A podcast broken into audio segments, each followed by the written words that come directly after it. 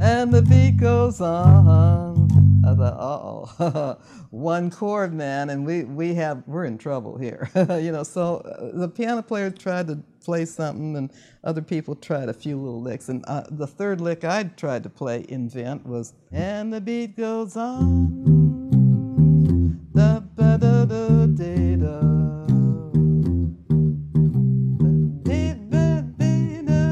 So a nothing tune became a huge hit. And I thought, yeah, mostly the bass line. I got it. Komiði sæl. Hér hefst svo kallar sumarauki í leikongavillinni.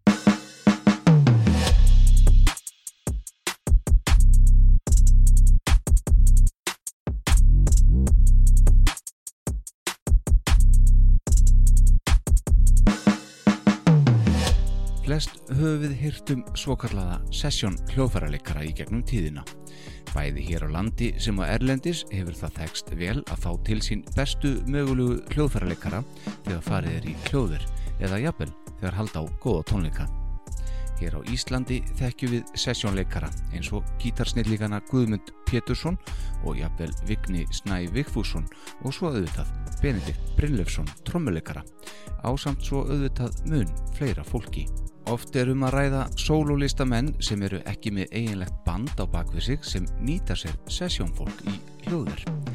En þó þekkist það auðvitað að hljómsveitir notværi sér þetta einnig, bæði hér heima og erlendis. Í bandaríkjanum sem eru til umfjöllunar hér í dag þekkist þetta fólk undir nafninu Hired Gun. Eins og margir vita, svona sem dæmi, þá innihjalt hljómsveitin sáluga The Doors ekki bassalegara en þó maður finna margar frábærar bassalínur í lagasafni þeirra ágættu sveitar. Þær voru reyndar ímist spilaðar á hljómborðið af sjálfum Ray Manzarek sem samti þær flestar líka. Eða einmitt með tilkomu sessjónleikara. Hér má nefna eina af þeirra þekktustu bassalínum í hennu frábæra lægi Riders on the Storm. Þetta lag kom út á plötunni LA Woman í júni 1971, aðeins nokkrum vikum áður en Jim Morrison lést. Þessi geggjaða bassalína er einmitt samin á hljómborðið af fyrrnemdum Ray, en á upptökunum spilaði hann að maður að nafni Jerry Sheff. En hann var og er þekktur sessjón bassalegari Vestonhafs sem spilað hefur á hinnar ymsu plötur, auk þess að túra með The Doors og sjálfum Elvis Presley.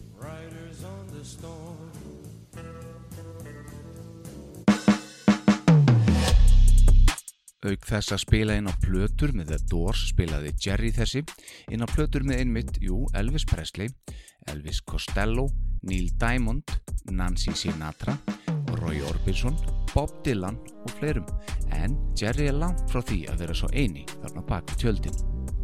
Við ætlum að halda okkur við bandaríkin eins og áður sagði og við leggjum áhersluna á bassaleg í þessum þætti í dag en með dassi af gítarleik. Ég ætla að fjalla um eitt frægasta og jafnvel besta sessjónbassalegara allra tíma.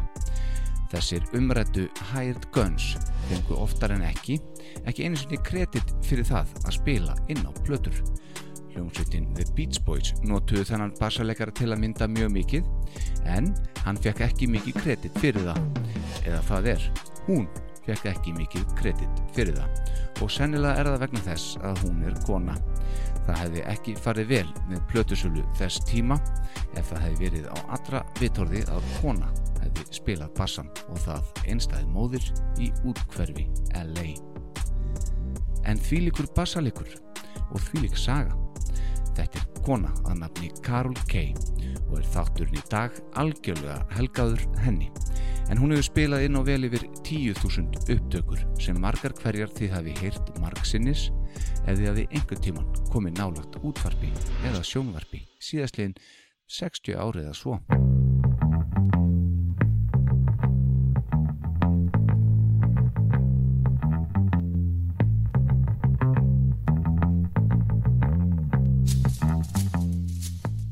Karol hefði meira segja spilaðin á íslenska plötu en það var árið 2006.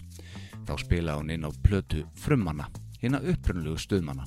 Nánan það hérna eftir en þá fáið til okkar sjálfan Jakob Fríman Magnússon og hann ætlar að rifja upp með okkur hans kynni og þeirra af Karol K. Við undirbúning þessa þáttar var ég einni í miklu sambandi við sjálfa Karol K. Ég hafði samband við hana í heimildavinnunni og freistaði þess að sjálfsög að fá hann í viðtal. Hún tók velið það svona í fyrstu og sendi mér gríðlegt magn af gögnum sem ég hef verið að fara í gegnum síðustu vikur við undirbúning þessa þáttar og ég byggi þennan þátt að stóru hluta á þeim gögnum.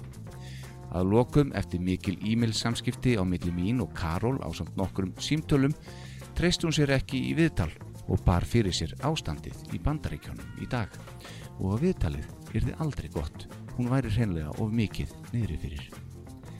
Treysti mér, ég reyndi eins og ég gata samfaran um það að pólitikir ekki rætti viðtalinu heldur aðeins tónlistin og hennar verk, en því miður án árangus. En The Boss of Bass Guitar, The First Lady of Bass Guitar. Hún er umfjöllunar öfni þáttarins engað síður. Takkið eftir að Karol K. kemur fyrir á öllum upptökum sem við spilum í þættinum. Saga Karol K. í leikongavillinni í dag og nú er það Budvar, hinn tjekkneski Böttvæsir sem er í eigu tjekknesku þjóðverðinar sem býður upp á leikongavillina.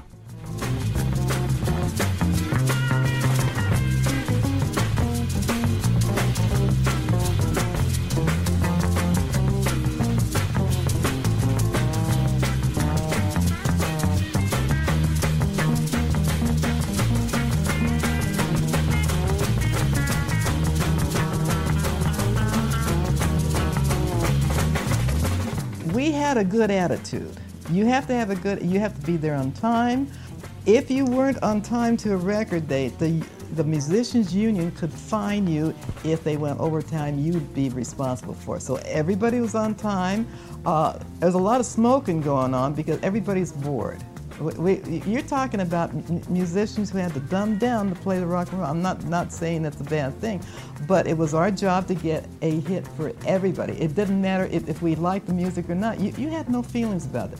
it. You, you took the challenge of being able to create a simple line. That was the fun of it. You, you created a simple line to make that tune pop when that tune could, could pop, you knew you had something. You know, when, when, when, when we do a take and the hair on the arm would stand up, I said, that's the take. And it was the take.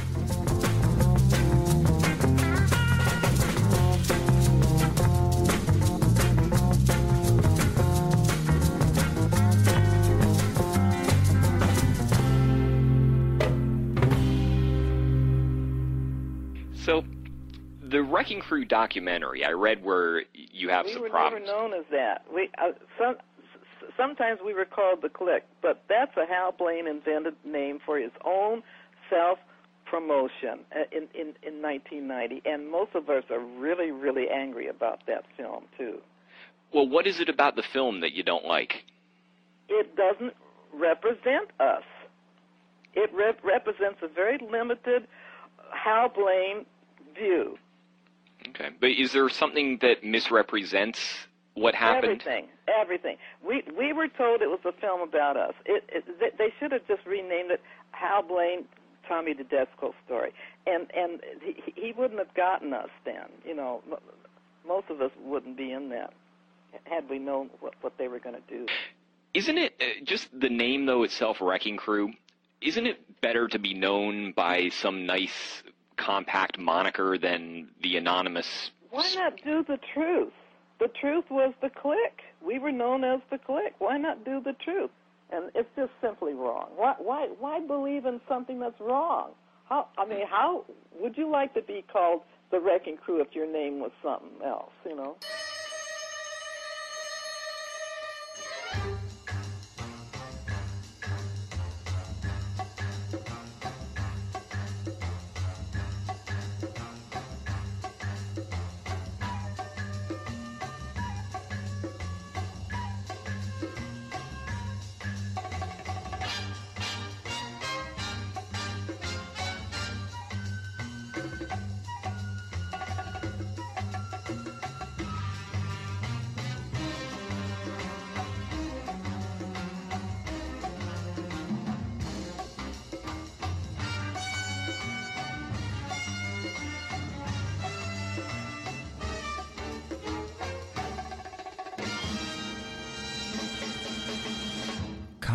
Lewis Smith fættist í smáborginni Everett í Washington fylki bandarækjana þann 24. mars árið 1935 og er því þegar þetta tekið upp nokkuð nýlega orðin 85 ára.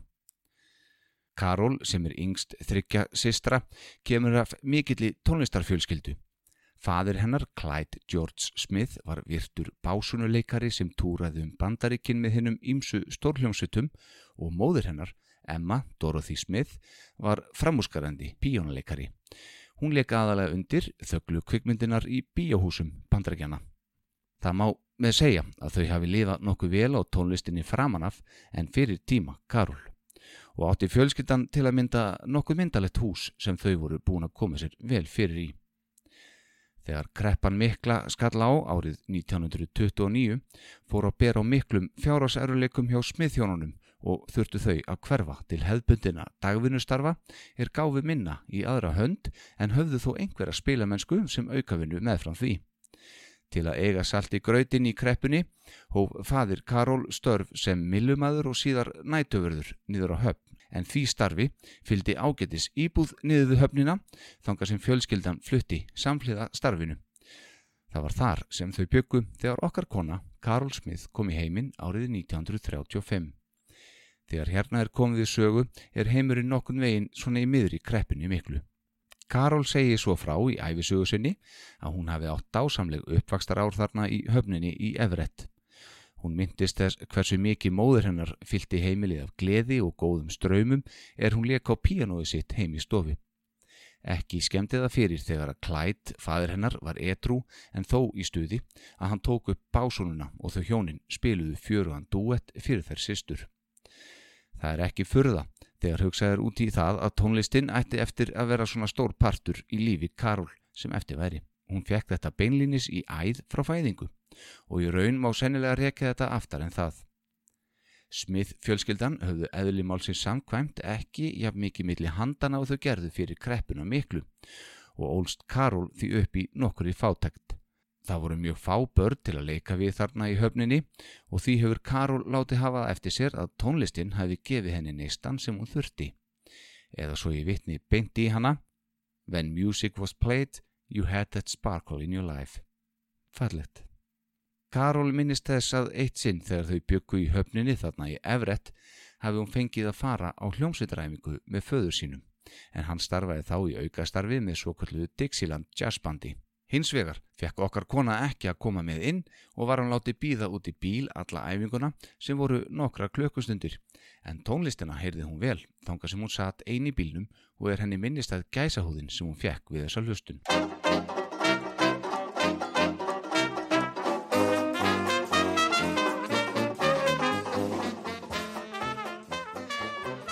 Þessa sælutilfinningu geimdi hún hjá sér um ókomin ár og segi Karol svo frá að þegar hún hefur fundið þessa sömu tilfinningu og fyrrnemda gæsahúð í hljóðverinu í gegnum tíðina viti hún upp á hár að veri sig að skapa svo kallan hittara og að hennarsögn hefur það ekki klikkað ennþá og gerir sennilega ekki úr þessu. Árið er 1941 og Karol er 6 ára. Setni heimstyrjöldin er skollin á og fjölskyldan flytur frá Everett til Wilmington á Long Beach í Kaliforníu. Þau heldu jól í íbúðinu sinni við höfnina í Everett þetta ár en nána strax eftir jólamatinn pökkuðu öllu saman sem komst í bílinn og heldu þessa 2000 kilometra til söðurs. Fadir hennar hefði fengið betra starf þar sem verkstjóri skipasmíðastöðarinnar í Wilmington sem hann þáði. Þarna var hann einni komið nær munvirkari tónlistarsenu heldur en var til staðar í Everettborg. En flutningurinn var ansi dýru verði keiftur. Selja þurfti píanómóður hennar til að bæði sapna fyrir förunni, auk þess sem það auðvitað passaði illa í fjölskyldibílin sem var af gerðinni Ford Model A árger 1931. Móður Karol egnaðist ekki annað píanó fyrir en 17 löngum árum síðar eða árið 1958 þegar Karol kefti fyrir hana nýtt píanó beint úr kassanum. Smithjónin, þau Clyde og Emma bundu mikla vonir við nýtt líf fjölskyldunar á Long Beach en stríðsárin settu mikið álag á hjónaband þeirra. Clyde drakk nokkuð stíft og hófa beita þær Emmu og Karol miklu ofbeldi sem eldri sýstur Karol sluppu nokkuð vel frá ef svo má segja. Karol gerði allt sem hún gat til að sannfæra móði sína um að yfirgefa klæt árið 1945 þá aðeins 10 ára gömul. Það tókst en það þurfti kannski ekki mikið til þegar þarna er komið við sögum. Þær mæðgur fluttust á í litla íbúð í félagslega kerfinu og við tók sárafátækt. Karol hóf þó korn unga vinna eftir skóla einfallega til að hjálpa móðu sinni við að koma mat á borðið og greiða reikninga. Hún skúraði gólf og þreif íbúðir og móður hennar vann svipustörf.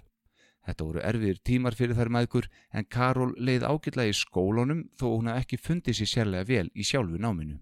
Hún stamaði og var með stórar framstæðar tennur í efri góm sem laðaði reyndar að þó nokkra stríðinspúka. En Karol átti reyndar ekki marga vini í skólunum en hún hafði alltaf sína ástriðu til tónlistarinnar. Árið 1948 þegar Karol var 13 ára fekk hún sitt fyrsta hljóðfæri.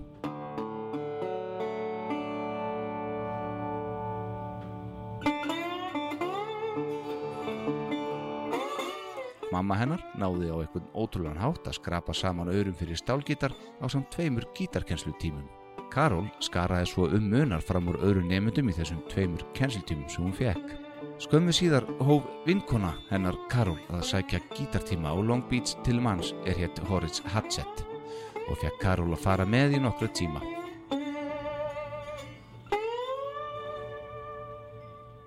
Hatsett þessi hafi verið atvinnu tónlistamæður og túrað með mönnum eins og Jimmy Dorsey og Nat King Cole. Eftir nokkra tíma í honum bauð hann Karol vinnu. Hann sagðist í vita að hún hefði ekki efnaðu þessum kennslutímum en hæfileikana hefði hún svo sannarlega og því bauðan henni að gerast aðstofakennari hans en þannig geti hún haldið áfram að læra án þess að borga fyrir það gjald, heldur í raun fá borgað, fá laun. Þetta þáði Karol og árið 1949 var hún orðin nokkuð eftirsóttur jazzgítalegari og farin að tróða upp á hennum ímsu jazzklubum á Long Beach þá aðeins 14 ára gömul. Það var á þessum tíma sem hún kynntist sínum fyrsta eigimanni, bassalekarunum Al Kay Karál og Al giftu sig skömmu síðar og tók hún upp setna nafn hans eins og tíðgæðist ætíð þá og tilvarnafnið sem við þekkjum svo vel enn í dag, Karol Kay. Kay hjónin eignuðist tvö börn. Peggy Kay fættist árið 1951 þegar Karol var aðeins 16 ára gömul. Peggy lést í november 2003, 52 ára aldri eftir langa baróttu við brjóstakrabaminn. Sónur hennar, Peter Kay, fættist árið 1955 og er hann enn á lífi. Á milli þess sem börnin þeirra tvö fætust komist þau bæði Al og Karol í gegnum áhöröndapröfur í Hollywood fyrir Henry Buss Big Band Orkestra. Hún sem jazzgítalegari og hann sem bassalegari. Þau túruðu um öll bandarikinn en skildu um það leiti sem yngra barnin þeirra, Peter, kom í heiminn. Karol minnist þess tíma þó með brósávör enda ekki fyrir alla að fá að sjá svo mikið af landinu á þessum tíma. Þetta var ekkert sérlega vel borgað en þessi ferðalug voru mikil foröndi. Þegar Karol var aðeins 22 ára gömul var hann ekki bara einstað móður með tvö börn heldur orðin einn vinsælasti jazzgítalegari Norður Ameríku. Kollegar hennar gerðu þetta eitt sér að atvinnu en áttu eiginkonur sem unnu dagvinnu. Hún þurfti hins vegar að gera kvoru tvekja þar sem hún var einstað móður. Karol vann því dagvinnuna sín á daginn og spilaði jazz á kvöldin og gatt á þann hátt séðum bæði börni sín sem og jú auðvitað móður sína sem þarna var komin á sín efri ár. Það var akkurat þarna sem Karol keipti inn mitt píanóið góða sem ég myndist á hérna áðan. Í viðbót við jazzkikkin var Karol farin að spila nokkuð mikið á næturklubum á Los Angeles svæðinu.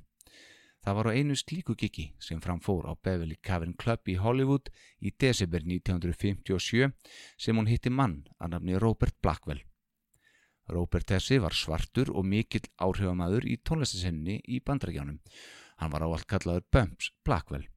Hann var nú þegar orðin stort nafn í bransanum í Vestarhafs enda hafði hann uppgötað menni svo Ray Charles og Quincy Jones á samt því hafa unni sem umbósmaður fyrir Little Richard.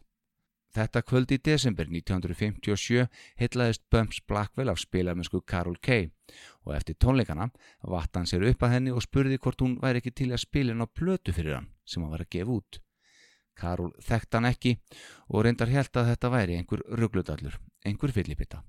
En hún sá hins vegar að hljómsveitameðlimir hennar vissu upp að hár hver þarna fór og af svip þeirra að dæma ágað hún að gefa þessu sjans. Hún spurði Böms hver listamæðurinn væri sem var að gefa út þessa plötu. Ekki stóð á svari. Hann heiti Sam Cooke og hann verður stórstjarna, vittu til. Ertu með? spurði Bumps Blackwell. Þannig var þetta í þá daga að jazzlistamenn eins og Carol Kay voru eftirsóttir í hljóðversvinnu sem sessjónleikarar. En margir hverjir sem fóruð þá leiðina áttu ekki afturkvæmt í jazzin. Þau einfallega mistu sinn stað í jazzinum og erfitt var að komast inn upp á nýtt. Okkar kona, hún ákvaða að slá til og mætti í hljóðverið með gítari sinn undir hönd. Þetta var hennar fyrsta sessjóngik í hljóðveri og hún var nokkuð stressuð á einn sögn. En hún kunni strax vel við Sam Cooke og þeim var vel til vina.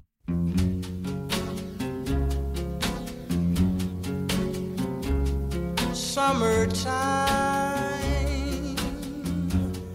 and the living is easy. Fish are jumping and cotton is high. Your dad is rich and your ma is good looking. So hush, little baby, don't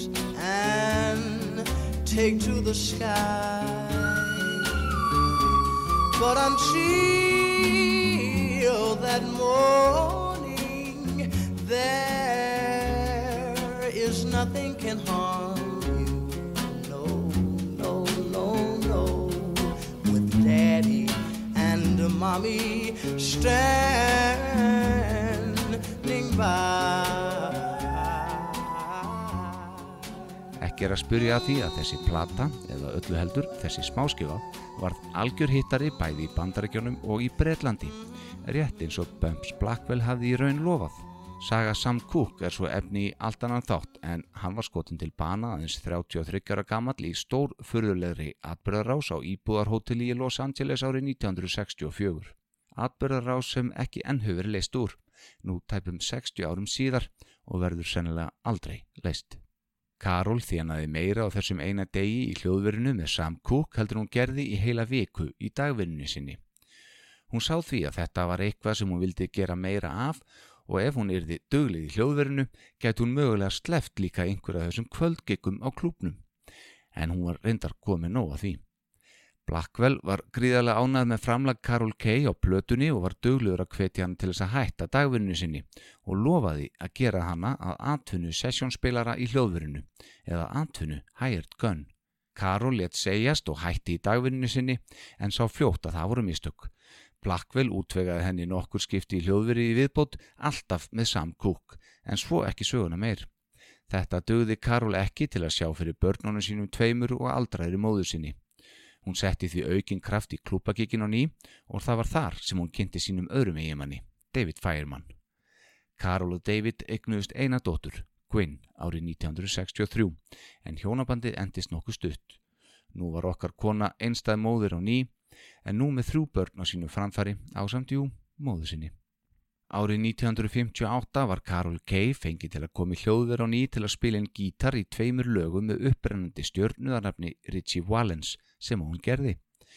Hún mætti í hljóðver og spilaði inn sína parta fyrir Richie. Platan kom út nokkrum mánuðum síðar en því miður fekk sjálfur Richie Valens ekki að njóta afröðurinnar og velgengni sinnar lengi þar sem hann lést á samt Buddy Holly og fleirum þann 3. februar 1959 í frægu flugslýsi er síðar var þekkt sem The Day the Music Died eða dagurinn sem tónlistin dó. Aftur urður lög sem Carol Kay spilaði inn á feikivinsel. Lægið Donna fór í þriðja sætið á Billboard listónum og útgafa valens af læginu La Bamba sló heldur betur í gegn líka.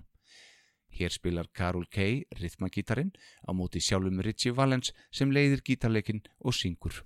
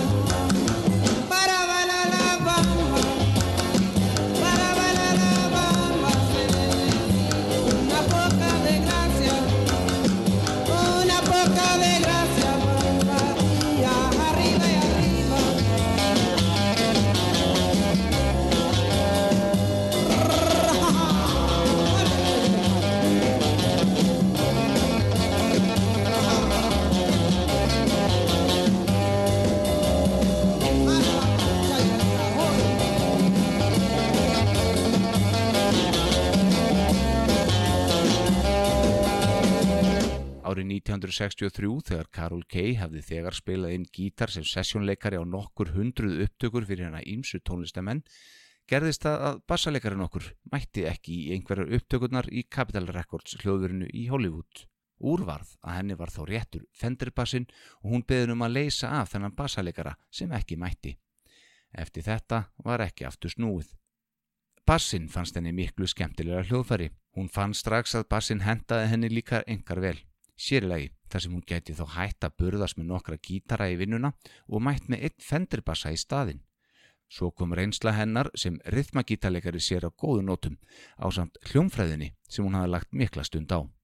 Hún fór að leika sér að búa til grunna með bassalínum spilaðar með nögl á sérlega fallegan og fáaðan hátt svo tekið var eftir. Með tímanum hefur hún skapað bæði sitt einstaka Karol K. sound sem og stíl sem einkennist af yfirvegun og einfaldleika sem skila sér líkt og konfekt í eiru hlustandans. Einfalt en samt svo flókið. Bassalínur hennar eru margar hverjar orðnar klassískar. Það er bara einhver stemming í bassaleika hennar sem erfitt er að lýsa. Upptökustjórin fræði Phil Spector kunni til að mynda afar vel við spilamennsku Karol og notaði hana mikið í sínum upptökum, ef svo mætti segja. Og þá bæði á bassa og gítar. Til dæmis með The Righteous Brothers. Karol var eitt sem spurði hvaða verk það væri sem hún var í stoltust af frá gítarárunum sínum. Augla Bamba nefndi hún þetta hér eðlega. Oh,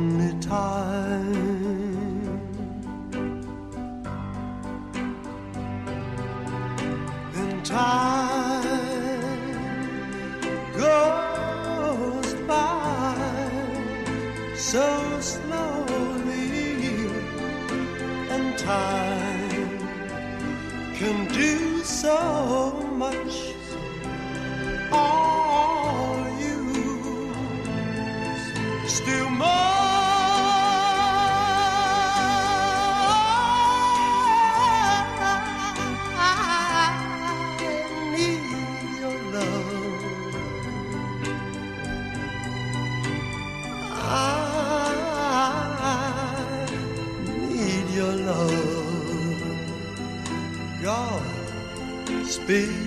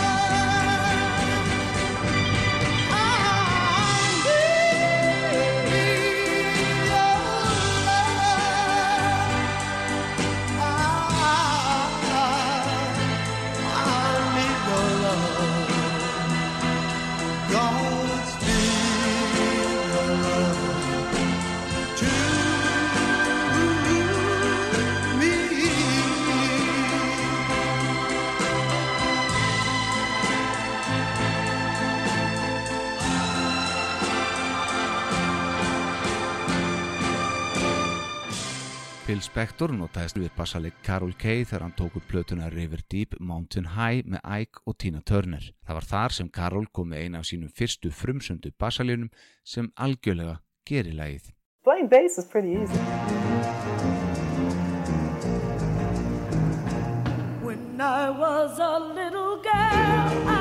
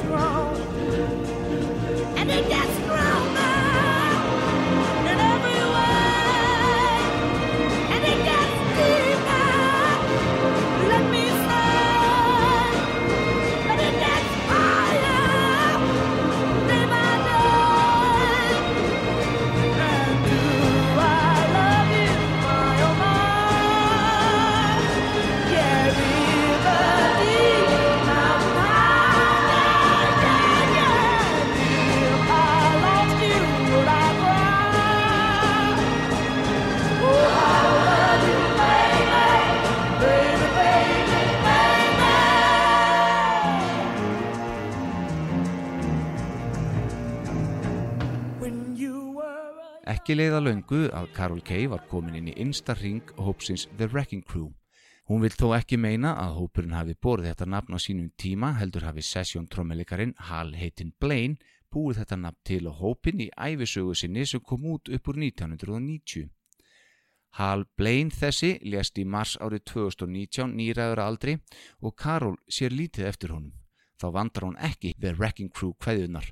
Myndina sem kom út árið 2008 segir hún vera algjört kæftað í heildina litið og kannast lítið við atbyrði hennar. Á árunum 1963 til 1974 var Carol Kay afar vinsæl meðal framleiðanda sjómastáta og var hún fenginn til að spila inn á fjöldan allan af bíómyndatónlist og upphafslögum hinna ímsu vinsælu sjómastáta sem vinsælir voru á sjöunda og áttunda áratug síðusta aldar Vestanhafs. Við heyrðum hér í upphafið þáttar titillag Mission Impossible sem er sennilega eitt af frægasta sem eftir hann liggur úr þeim geirunum en þau eru fleiri. Hlustið á þetta.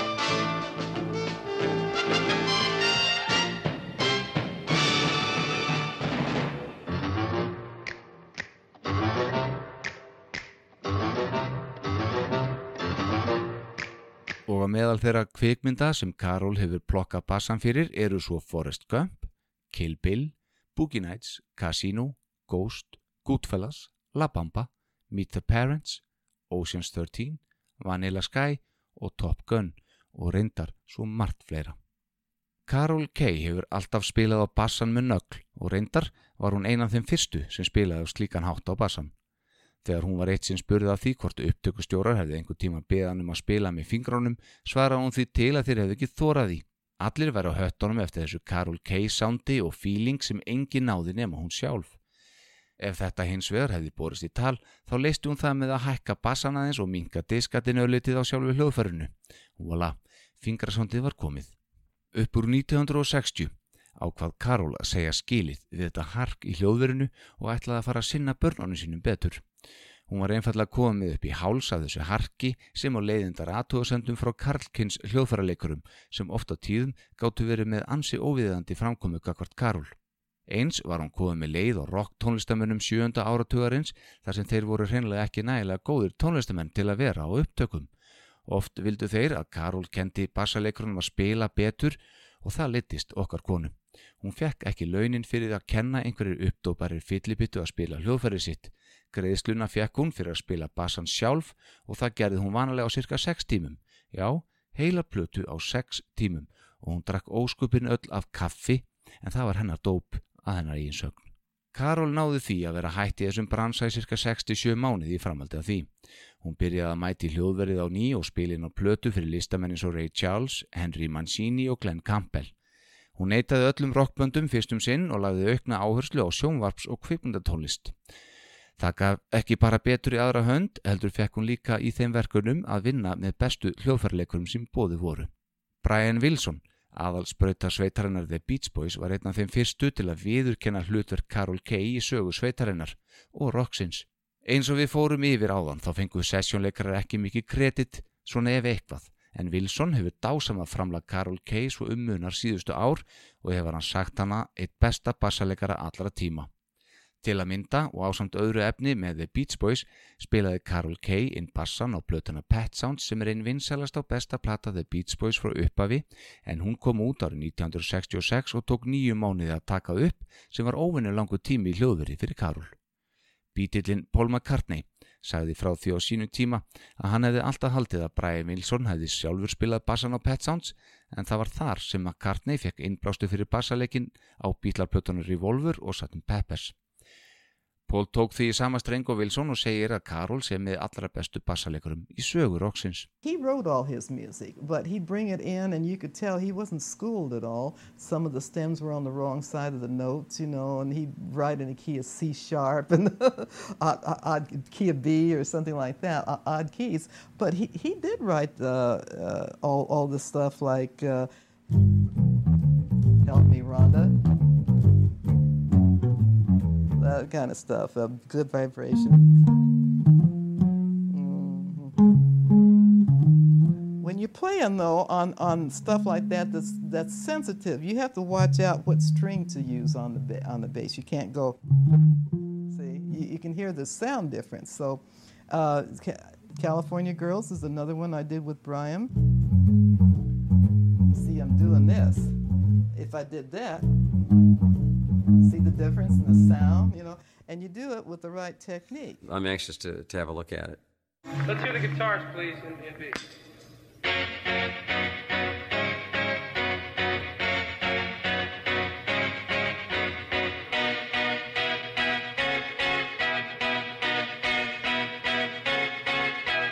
Okay, that's fine. Let's make it. Take one. Hal, let's go, man. Here we go. Play hard and strong all the way.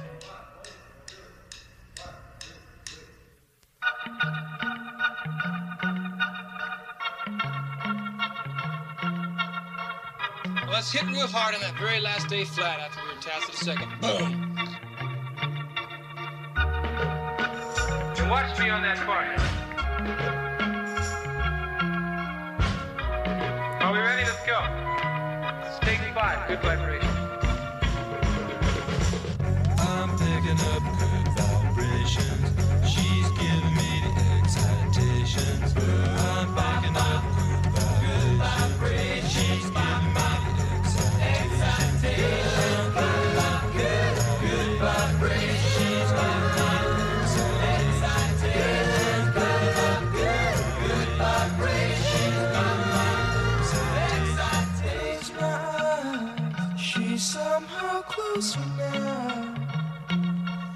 Softly smile, I know she must be kind.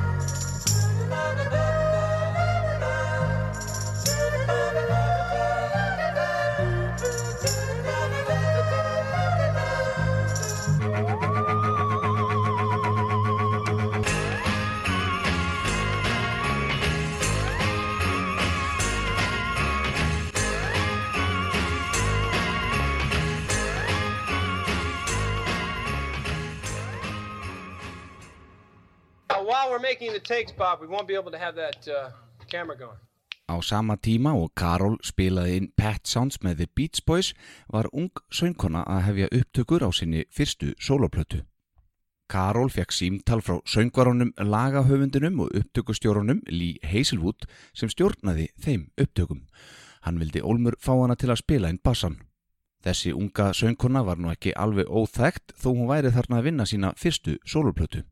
Hún hefði sungið inn á bæði plötu upptökur sem og í sjónvarpi ásamt því að hafa leikið í nokkrum bíómyndum. Þetta var að sjálfsögðu Nancy Sinatra og platan hennar Boots sem kom út árið 1966 líkt og Pet Sounds. Karol naut þess mikið að vinna með Nancy og náðu þær vel saman.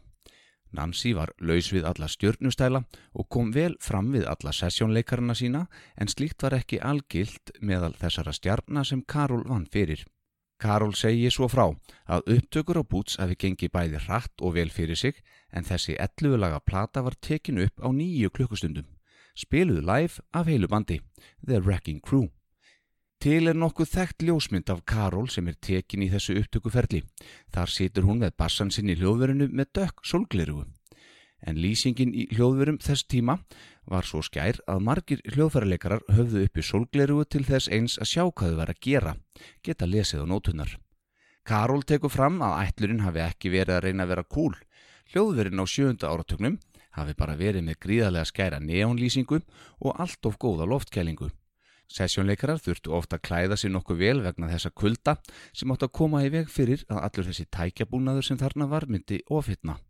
Eitt frægasta lag plötunar Boots er án Eva These Boots are made for walking sem náðu á toppin á Billboard listónum. En hér spilar okkar kona bassan ef fráurtalið kontrabassastefið sem heyrist í upphafi lags sem og aftur inn í miðjulagi. Platan var jú eins áðursæði tekin upp live og mann Karol að þessi upptaka var þriðja reynsli bansins. Hlýðum á. You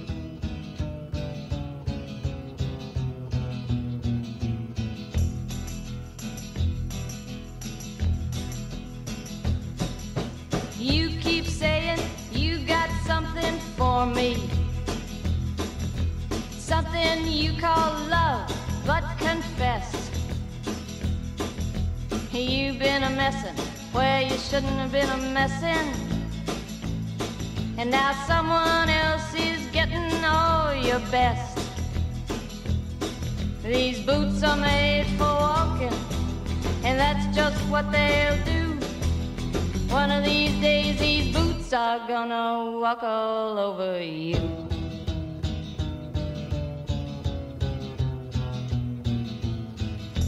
Yeah.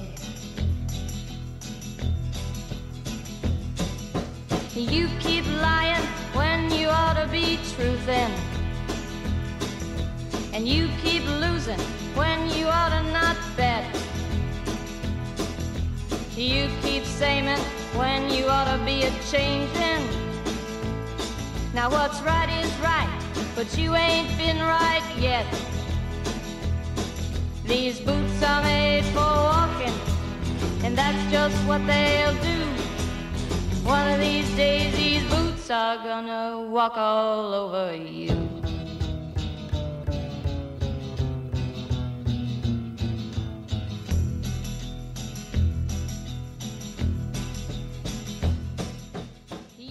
En Karol var ekki hægt að vinna með Nancy Sinatra. Ári síðar var hún fengin í hljóðverið á ný á samt trommuleikarunum Hal Blaine, gítarleikarunum Al Casey og fleirum. En í þetta skiptið til að spila inn á plötuna The World Knew fyrir fadir Nancy, sjálfan Frank Sinatra. Þessi plata geymir einhvern fallegasta duett sem heyrst hefur, Something Stupid. Þau feðgininn, Nancy og Frank, syngja þetta undur vel og fallega og okkar kona spilar undir og nú á kontrabassa. Karol segist ennfá tár í augum þegar hann hugsar um þau Nancy og Frank í upptökuklefunum og þó ást millir föður og dóttur sem skeina af þeim. Frank Sinatra gaf allri hljómsittir að lokum, kveikjara úr skýra gulli að gjöf sem Karol á enn og geymir á góðum stað sem minnjagripp úr fortíðinni. Hún minnist Frank Sinatra sem algjörum herramanni með hjarta úr gulli. Þetta lag hér toppaði einnig billboardlistan ekki fyrða. I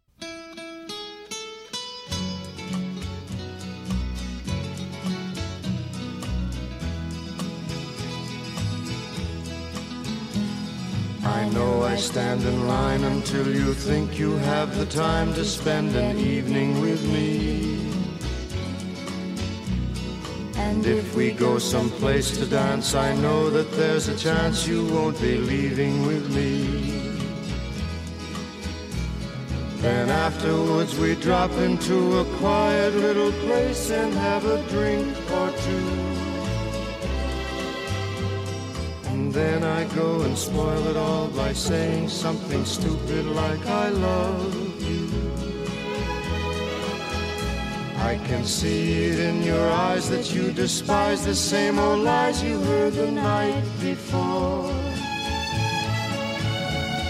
And though it's just a line to you, for me it's true and never seemed so right before. Practice every day to find some clever lines to say to make the meaning come through. But then I think I'll wait until the evening gets late and I'm alone with you.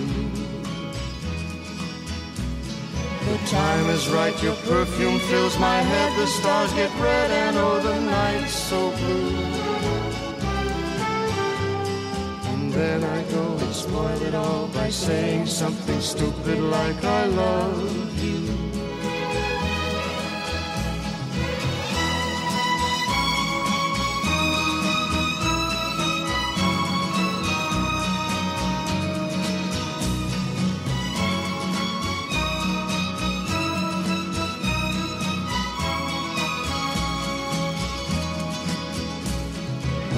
time is right, your perfume fills my head, the stars get red, and oh, the night's so blue.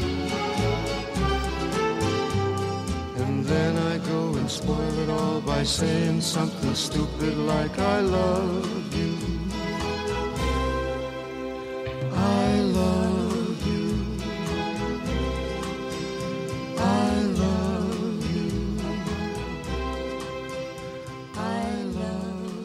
milli þessara tveggja platna með þeim Nancy og Frank Sinatra sem Carol Kay kom svona skemmtilega að vann hún með hjónunum Sonny Bono og Cher að blötunni The Sonny Side of Cher.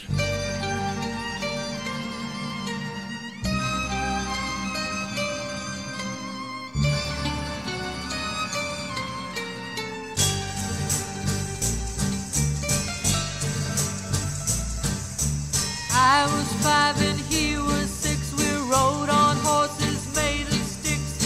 wore black and I wore white. He would always win the fight. Bang, bang. He shot me down. Bang, bang. I hit the ground. Bang, bang. That awful sound. Bang, bang. My baby shot me down. Til að mynda með bassaleiki í læginu Bang Bang My Baby Shot Me Down og við heyrum hljóma hér undir.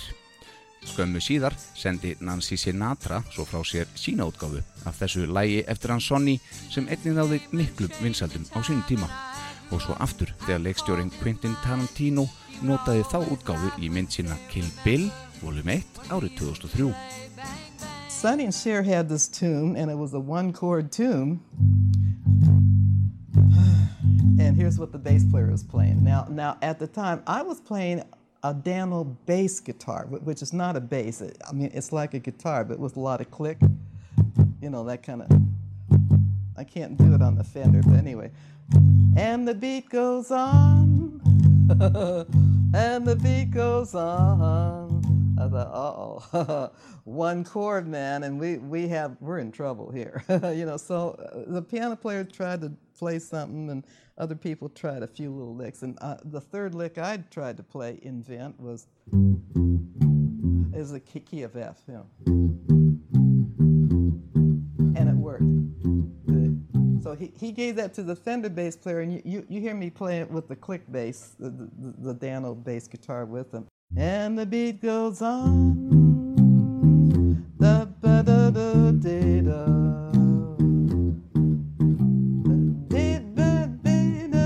So a nothing tune became a huge hit. And I said, yeah, mostly the bass line. I got it, got it. So when I accidentally switched to bass in, in 63, then I started inventing all kinds of lines, which is what you do in jazz. Everybody invents all the time according to what is needed for the music. So rock and roll was easy for us. We had to learn how to dumb down though, because you had some some some hot jazz players playing for hours. Da, da, da, da, da, da, da. But you know, you just thought one dollar, two dollar, three dollar, four dollar. You know, you, you, you went home to your kids.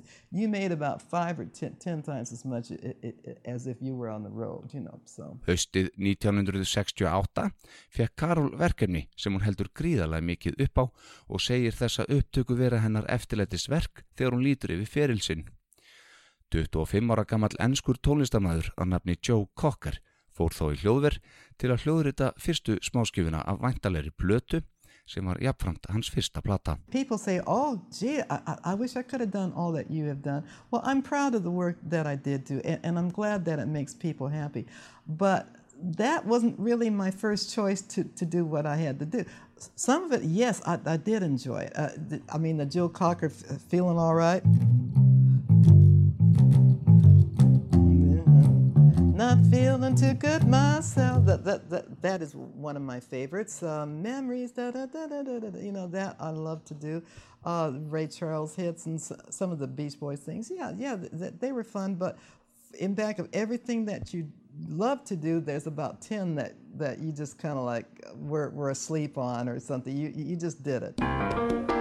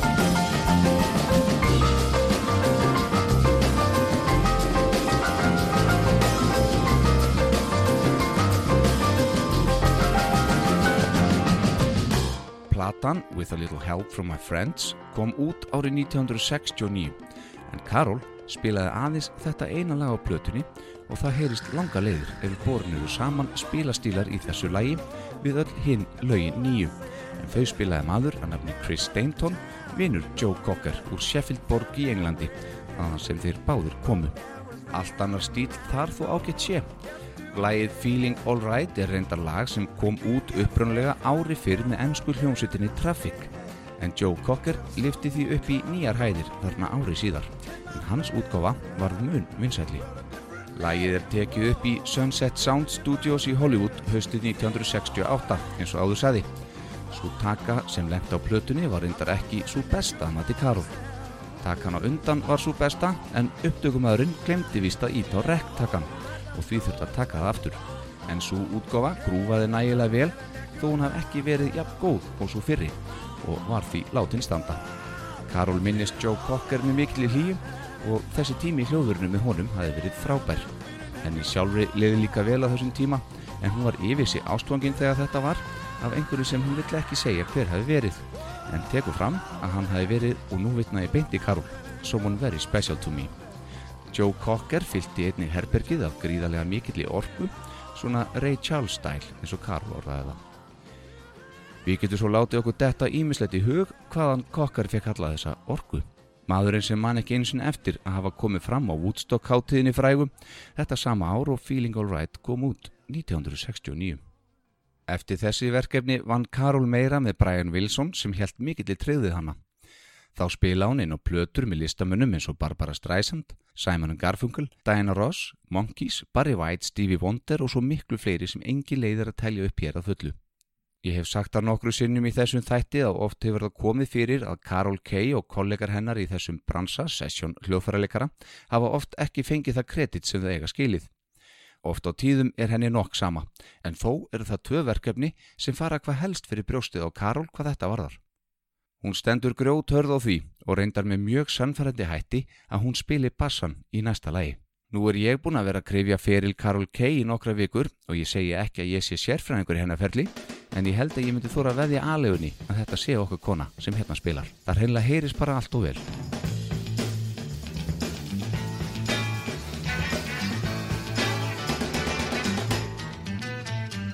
A little less conversation, a little more action. All this aggravation ain't satisfaction in me. A little more bite, a little less spark. A little less fight, and a little more spark. Close your mouth and open up your heart and maybe satisfy me. Satisfy me, baby. Baby, close your eyes and listen to the music. Dig to the summer breeze. It's a groovy night and I can show you how to use it. To come along with me and put your mind at ease. Hey, a little less conversation, a little more action. All this aggravation ain't satisfaction me. A little more bite, a little less bark, a little less fight, a little more spark. Shut your mouth and open up your heart and baby, satisfy me. Satisfy me, baby. Come on, baby, I'm tired of talking. Grab your coat and let's start walking. Come on, come on. Come on, come on. Come on, come on. Come on, come on. Don't procrastinate, don't articulate, girl, it's getting late. You just sit and wait around. Ah, a little less conversation, a little more action. All this aggravation ain't satisfaction in me. A little more bite, a little less bark, a little less fight, a little more spark. Shut your mouth and open up your heart, baby, satisfy me. Satisfy me, baby. Satisfy me, girl. Satisfy me, baby. Satisfy me. Satisfy me, baby. Satisfy me, girl. Satisfy me. Satisfy me, baby. Satisfy me, baby. Það eru fjórir aðrir bassaleikara sem segjast hafa spilað þetta lag. Það er ekki nokkuð leið fyrir Karol að sanna sitt mál, að þarna sé hún á bassanum. Þetta hryggir okkar konu sem eðlilegt er. Við erum að tala um kongin hérna sjálfan, Elvis Presley. Sama gildir um nokkur önnulög með Elvis. Það er, hún er í sama barniki um lagi Suspicious Minds, en það verður hver að dæma fyrir sig. Áður en við snúum okkur að Íslands tengingunni við Karol, þá langar við að kynna fyrir ykkur annað dæmi, eins og hérna meðan Elvis. Í ágúst árið 1966 mætti Karol í hljóðver þar sem ný hljómsveit var að hefja upptökur á sinni fyrstu plötu. Líkt og var með Joe Cocker tveimur árum síðar og við fórum yfir þarna áðan, þá týðkaðist að hljómsveitir tóku upp fyrstu smáskifun og sendu hana frá sér áður en plata var kláruð. Hér eru við að tala um sama band og við hófum leikin á, The Doors og þeirra fyrstu plötu sem bar samanab og kom út í janúar 1967. Smáskifan sem umræðir kom hins vegar út í ágúst 1966 og er það eina lægið á plötunni sem Carol Kay segist hafa spilað. Alveg eins og með Elvis, þá trúi ég henni svo sannarlega. Bæði hef ég enga ástæðu til þess að gera það ekki, sem og þá er stílinn hennar og sándið hennar á sínum stað. Á bjelliðinni á sömu smáskifi er að finna lægið Crystal Ship sem tekir upp á sama tíma og lægið sem Karol spilaði. Þar er hins vegar Ray Manzarek sem spilar bassan á hljómboru sitt. Lægið Light My Fire er eina lægið með The Doors sem Karol gerir kröfu um að fá sitt kredit fyrir.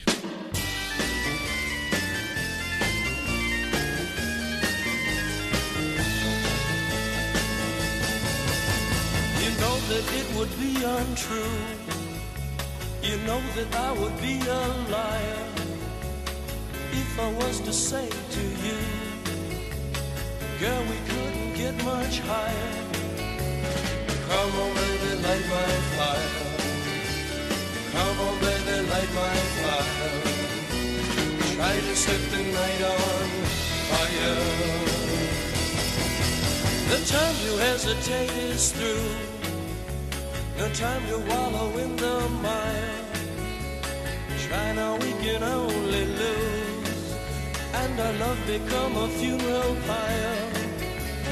Come on, baby, light my fire. Come on, baby, light my fire. Try to set the night on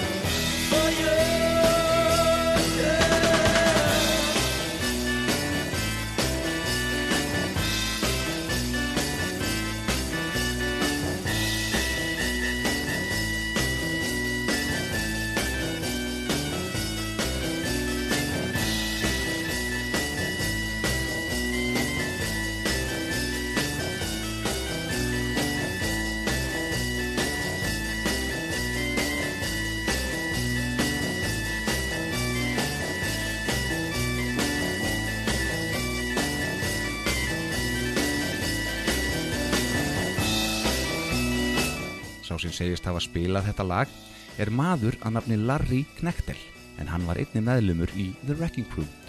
Hann lest árið 2009. Karol segir það alveg klárt að Larry þessi spilaði líklega á flest öllum öðrum lögum plötunar þar sem bassa mátti finna en bara ekki í Light My Fire, hennar lagi. Ég ætla að gefa dæmi.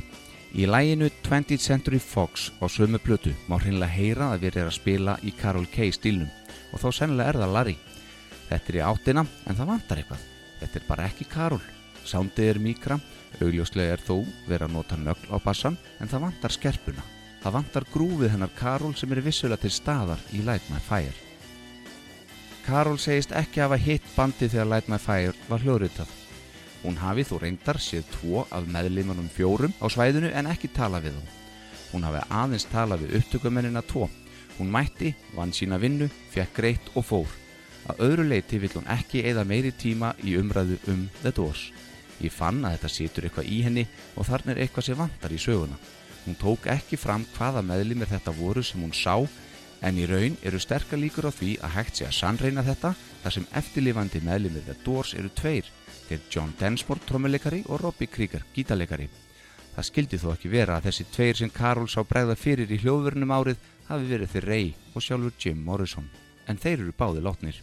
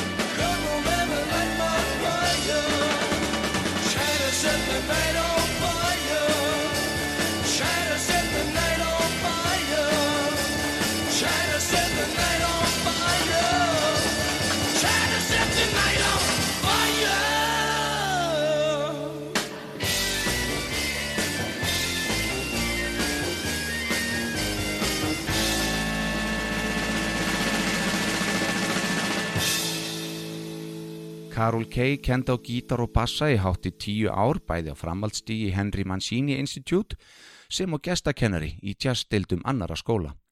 Þá kennir hún enn á bassa á netinu í gegnum Skype forritið og hefur haldið yfir 500 sérnámskeið á síðustu árum ásamt því að gefa út kennslubækur um rafbassaleg. Þá spilar hún ennin og plötur eða upptökur þegar ságallin er á henni. Hún býr eini dag og enn í útkverfi Los Angeles. Tvö af þremur börnum hennar er á lífi og hún á þrjár ömmustelpur sem hún segist afar stolt af. Carol Kay byði fyrir kveðjum til Íslands og talandi um Ísland. Ég sagði frá því hér í upphæfi þáttarins að Carol hafi spilað inn á allavega eina íslenska plötu. Það var árið 2006 þegar að frummenn, hinnu upprennulegu stuðmenn með þá Valgeir Guðjónsson og Jakob Fríman Magnússon í farabróti, fór í Track Records hljóðverið í Los Angeles og hljóðrituðu þar plötuna, tapað fundið. Þessi plata flög kannski ekki hátt, en hún er þokkaleg hlust. Tapað fundið inneldur 14 miskóð lög frá uppafsárum stuðmanna, þegar Gilvin okkur Kristinsson var forsöngari bansins. Sessjón trommuleikarinn Jim Keltner sem tromma hefur mikið fyrir Bob Dylan sem dæmi kemur einnig við sög á þessari sömu blötu. Valgeir Guðjónsson sæði skemmtilega frá því við viðtali við fréttablaði í júli 2006 að okkar kona hafi mætti hljóðverið á pínlillum Subaru-bíl sem var sem klæðskerasniðin utanum Karol, bassan hennar og magnarana hennar tvo. Eitt daginn þegar þeir voru búin að taka upp fjögur lög og ætluði að fara að kalla þetta dag, tók Karol það ekki mál. Hún var komin í stuð og vildi taka upp allavega eitt lagi viðbútt, sem þau gerðu. Hún þá, hálf áttræð, var ekki þreytar en svo á meðan þeir sem yngri voru vildu fyrir að komast upp á hótel til kvíldar. Við skulum heyra hér eitt lagan af plötunni tapað fundið. Árum við spjöllu við Jakob Fríman um kynni hans og þeirra við Karol Kay. Ég valdi svona nokkuð típist Karol Kay lag, lagnum með þrjú á plötunni, Transcontinental.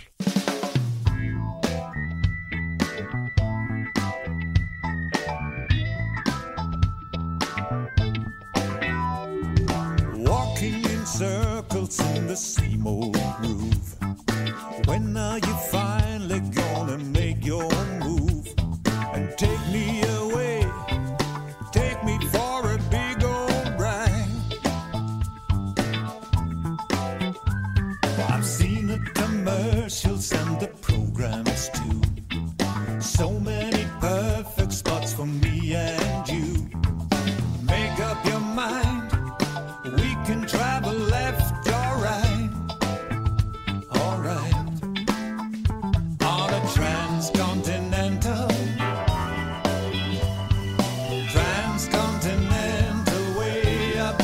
storm clouds. Transcontinental. Transcontinental flight. We can have Havana two or three weeks in Spain. We'd sit in the sun, we'd dance and sing in the rain.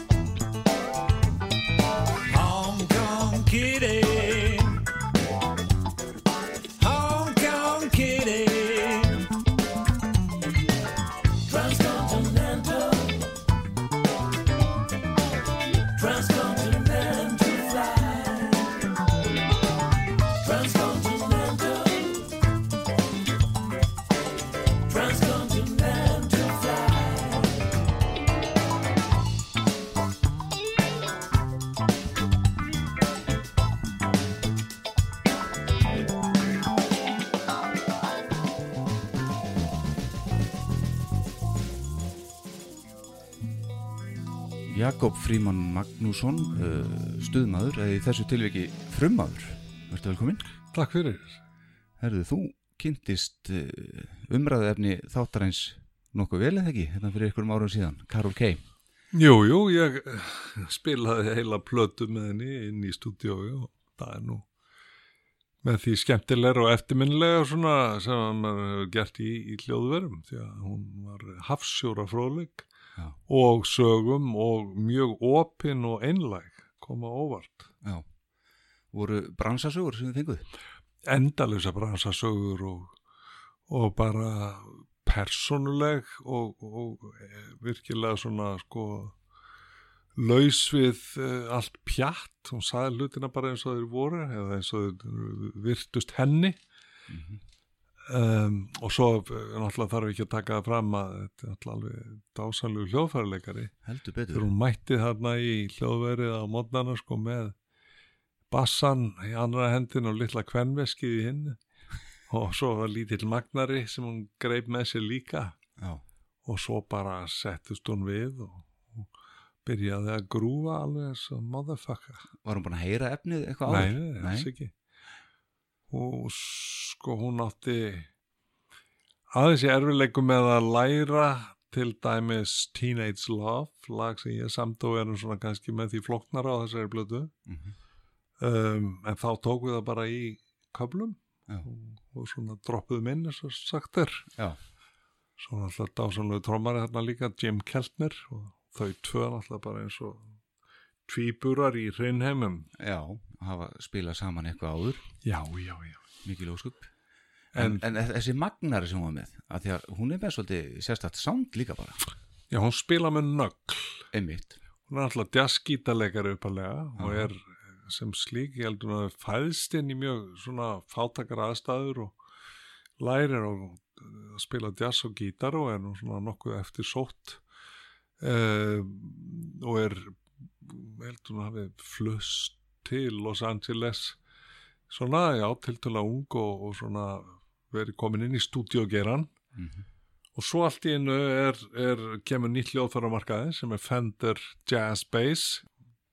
Þá vilja kontrabassarleikarinn almennt ekki láta bjóða sér það. Uh, já, það þú ert ekki með sagt hálsinn þá lóðréttan heldur láréttan og Einmitt. Þetta var bara sett í, fang, eh, í fangið henni og hún náði eh, rosalega fljótt góðum tökum á þessu því hún hafði þennan góða, segja harmoníska grunn eða svona hljómfræðilega grunn úr jazzinum og spilaði bara með nögl á bassan, langmestan part og, og var daldið svona fljót að svona við skulum segja að finna upp svona línur og riff sem að eru mjög svona já í mörgum tilfellum auðþekkjanleg sem Karol K. riff og bassagangar og hún á alveg ótrúlega stóran þátt í mörgum af þessum stóru lögur sem hún spilaði inn Já, við erum búin að heyra nokkur hinn dag og þetta er alveg ótrúlegt safn af, af lögum sem hún hefur komið, komið að. það var svo gaman þegar við vorum að keira úr stúdíónu heim á kvöldin og svona og settum útvarpið á. Það var bara nánast annarkvart lag skilur, já, þetta er Karol já, hún spilaði þessu. Það var endalust allur skalinn og þú veist, þetta skiptir tugum þúsunda sem Já, hún búin að spila inn. Og þessi hópur sem hún tilherði þetta fræga Wrecking Crew Mhm.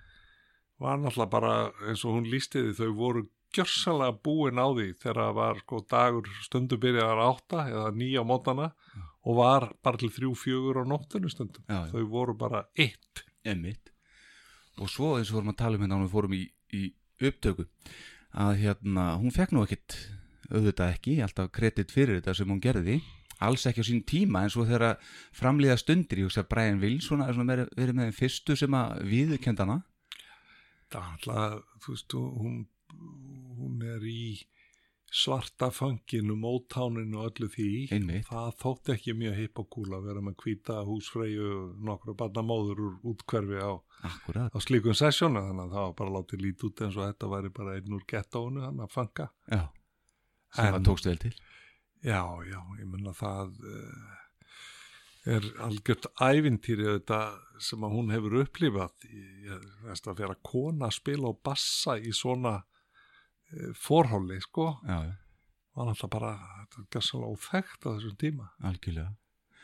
Og nánast enn þannig. Já, það er nú aðeins að dúka upp, Stuð, stuðmenn eru nú konum með bassalegara kvenkins og, og það er, uh, eru nokkrar sem eru hansi góðar en, en þarna á þessum tíma var þetta náttúrulega líka bara man's world nema að þú væri söng kona og, og hún var svo skemmtilega svona ófeimin við að segja okkur um alla skapaða hluti úr engalífi sínu, hún átti einhver eigin menn, einn landana og annar var allt og drikkveldur og allt þetta.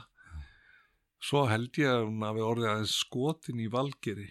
Já, þessir frummenn, ég veit ekki hvort þú er búin að tala eitthvað um það í þættinum en, en sko þetta er auðvitað bara upphálega fyrsta útgáfuna af stöðmönnum já En var ekki bassalegari með ykkur hann? Jú, sko Gilvi Kristinsson Já, hann, Sem syngur. sem var, já, sem var að, fyrsti aðal söngvar í stöðmanna hann uh, er bassalegari líka um, og reyndar voru við það frjálsmannlegir í þessu að við skiptumst á að spila á bassa, trommur og gítara við fjórir. Ég valgir Gilvi Kristinsson, æskuvinur hans og skólafélagi og réttó og svo Ragnar Danielsen sem er sko gítarleikari og söngvar og lagahöfundur sem að eh, eins og Gilvi fór fetaði stigu svona læknisfræðinar og hann gerist hjartalæknir Já. hefur þrætt hundruðir ef ekki þúsundur Íslendinga og, og framlengt já, að meðan Gilvi valdi sér að, að, að lækna sálarlútur þeirra sem að máttu minna mega sín eða átti erfileikum, hann vann á sólheimur lengi vel og, og frábær maður og, og hérna. Það er gott að hafa svona menn í bandi. Já, já, já, já sérstaklega. Já, já, þetta var þetta var svona þetta allt í skemmtileg hugmynd og, og En hvernig komast þið í sambandi hana svo, sín tíma? ég bý auðvitað að gríðalegu tengslanet í Los Angeles síðan ég bjóða þarna í gamla daga. Og ég er auðvitað alltaf þarna árlega. Og ég gerir plötur þarna ennþá sko sem eru bara svona nýsu plötur svona jazz uh, instrumental fangað jazz efni Já. sem er bara svona ákveðnum markaði sem er minn hópur sko Já. mikið í Kaliforníu og víðar í Ameríku og í Asíu og þú fær fína spilun og svona og þetta er bara Það sem eða ekki? Já, bara Jakob Magnússon Já. þeir, þeir hafa ég er með útgáð fyrirtæki sem heitir Woodward Avenue og þeir hafa notað uh, bæði Jack Magnet á mig og Jakob Magnússon en notabenn Jack Magnet var aldrei mitt listamanns nafn hér áður það var bara nafn á einni plötu svo svona Já. límdist aðeins við mig En, En þú varst að segja að hún hefði orðið skotin í er sko við tala betur um það. heldum það ég og Gilvi sérstaklega sko En Valgeir? uh, já, mann alltaf ekki að taka eh, slíkt neitt alvarlega, ég minna hann hefur nú þótt fjallmyndalegur gegn tíðina, hann og Egil skiptust á að deila fyrst og öðrum sætunum hérna í gamla dagum kynþokka fylstu kallmenn Íslas Já. þannig að það er svo ekki fyrst skipti sem að kona lýsir aðdáðan á honum en að sjálfsögðu þarf ekki að taka það fram að hann svaraði því í engu en það var svo sem ekkit verið neitt að með aggressívar viðreynslur Nei, nei. svona bara að hann er sjarmerandi, velmáli farin og skemmtilegur og frábæri höfundur lagasmiður og henni fannst rosa gaman að vinna með okkur og hún sagði það Já. frá fyrsta degi, hún fílaði löginni tætlur og Og fyrir áhugasama, þá er myndband á YouTube síns á sem er svona uh, ljósmyndavídjó við lagið Here We Go Again þar sem Já. eru myndir úr hljóðverinu og Alveg og ykkur með henni og skemmtilegt að horfa á þetta. En, það er annað myndband á YouTube sem heitir uh, Teenage Love, lagið. Dóttir mín Bryndís Jakobsdóttir gerði það myndband og, og hérna, það er svona daltið í hippa anda, anda lagsins. Svona. Ok. Og þá svo fyndi við, við tókum blötuna upp í gamla hljóðverinu sko, þeirra Beach Boys manna Já, já. og sérstaklega í Love þá heyrur þetta allt til svona áhrif frá þeim uh, strandbræðrum og svo Þá heyrum við þá hérna eftir. já, já, svo urðum við svo hefnir í fyrra að það var haldin hér uh, stór samkoma bara svona völdum bóði og þar var Mike Jardine sem er söngvari Beach Boys í dag gerðist hann söngvari stuðmanna í, í nokkrum lögum já. og hann var frábær, hann er svona Al Jardine sko, stopnanda Beach Boys Já. með Brian og er með alveg frábæra söngröð sem er svona ultimate Beach Boys rödd Já.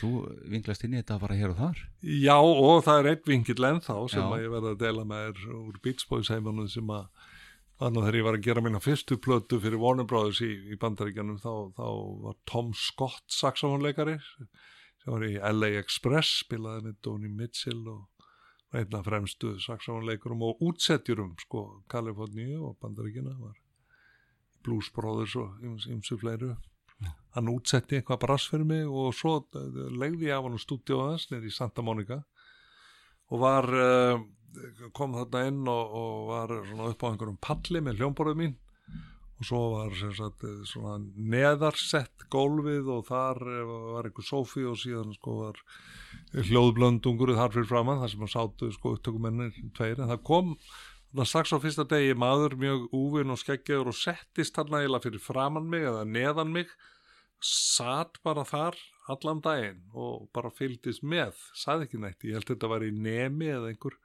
starfsmæður sem væri hægt að grípa til og svo næsta dag held ég áfram, ég hef bara overdöpa hljómbólið sko á special treatment. Og, og, og svo spyr ég á þriðaði byrju, hver er þessi maður sem að situr hér daglega?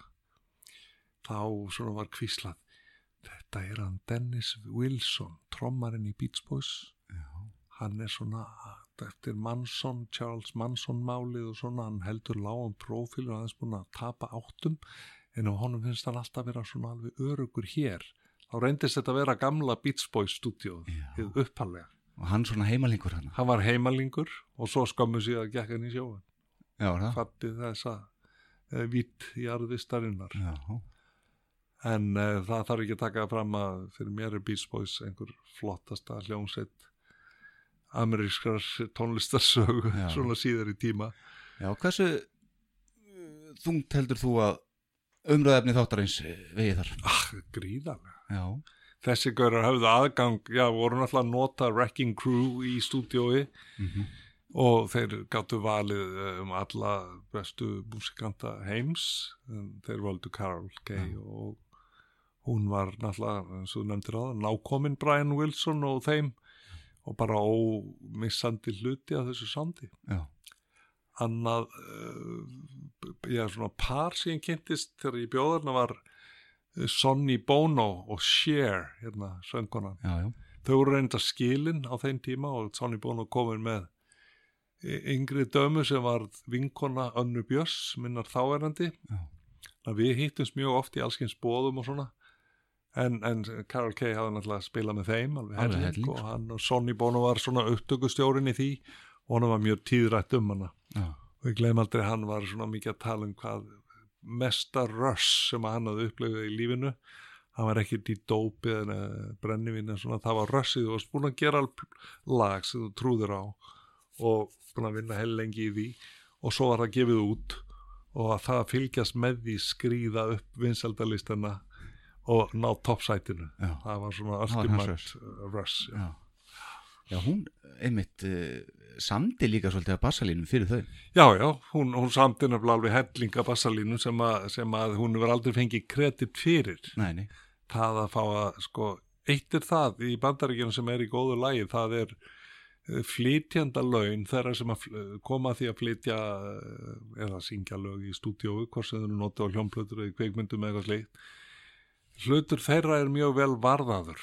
Það er alltaf misjant hvernig það er í heiminum. En Ok. Frank Sinatra sem að sönglaugin en samtuði ekki, hann stopnaði eitthvað sem heitir Sound Exchange og það er svona innhendumiðstöð fyrir flytjandur. Já. Og í eina tíða var það þannig innhendumiðstöðar fyrir höfunda, svona stef bandaríkjana sem eru reyndar þrjú talsins innhendumiðstöðarnar þar, Aska, BMI og, og CM að, að sko þau borguðu cirka ef þú varst með lag í spilum sem bæði höfundar og flytjandi þá fekk, fjastu kannski fimm sinnum uh, meira sem höfundur heldur en sem flytjandi. Nú setni tíma staðarendinu svo að með tilkomu internet útvarsins þá sko registrerast höfundar ekki eins vel og áður einhverja hluta vegna þá er það flytjandinn og flytjandurnir sem að registrerast og fá greitt þannig að nú færðu finnsunum meira sem flytjandi heldur en höfundur Já, ok. Það er nú, uh, þýðir það að Carol Kay er örglega velsett fjáráslega. Já, en mætti samt á þessum Subaru, sögðu þið í ykkur blaðavitali. Já, já, ég menna hún var ekki, skilur, hún bjó í Valencia, í útkverfi í Los Angeles, lengst inn í dalnum hann, nálægt Magic Mountain. Það er bara ódýrt húsnaði. Hún er alin upp uh, bláfátæk, hún er mjög sparsum og, og svona uh, er ekki, berst ekki á. Nei. Og hún saði, uh, hún að- reknaði með því að verða mjög langlíf og tala, ég gleymi aldrei, hún sagði, of course I will never get cancer. I don't eat meat. I don't eat red meat. Já. Ég mun að sjálfsögðu ekki fá krabba minn því ég borði ekki. Einmitt. Sannfærið það. Algjörlega samfærið það. Já. En uh, þegar ég hlustaði á plötuna með frumunum fyrir uh, þessu upptöku þá var svona eitt lag sem ég hjó sérstaklega eftir sem að mér fannst vera mikið svona Carol Kay Mhm. það er lag sem heitir Transcontinental Akkurat, já, transcontinental. það er rosa mikil Kay þar. Já, já, já. hún hefur fengið alveg að ljóma þar Já, já, já. Og við satt að segja vorum ekki að setja henni mikið fyrir. Ég þurfti að setja henni þetta fyrir þetta lag sem ég nefndi áðan Tínins Lafa því að það er svo margir kablar og allt í flóki og svona en það gekk allt upp á lokum en, en, en og hún lagði heilmikið til í því líka. Já. Bara þessi stíl og þetta sound og þessi svona þetta musikalitet sem hún hefur sko. Einmitt. Og þú veist, Paul McCartney er undir miklum Carol Kay áhrifum. Já, hann vissi það reyndar ekki fyrst Nei, nei. en hann hefur hann líka- vera að hlusta á Brian Wilson á bassan Já, nákvæmlega sko. Pet Sounds Já, já En sko hann, hann hefur oft verið að spila með nögl og, og svona reynda að, að finna sound sambarlegt við það sem Carol Kay bjóð til Einmitt. Hann sagði það í bókinni hann hérna Jeff Emmerich upptökumæður uh, bíklana til margra ára Já. og síðan Paul McCartney eftir það að, að sko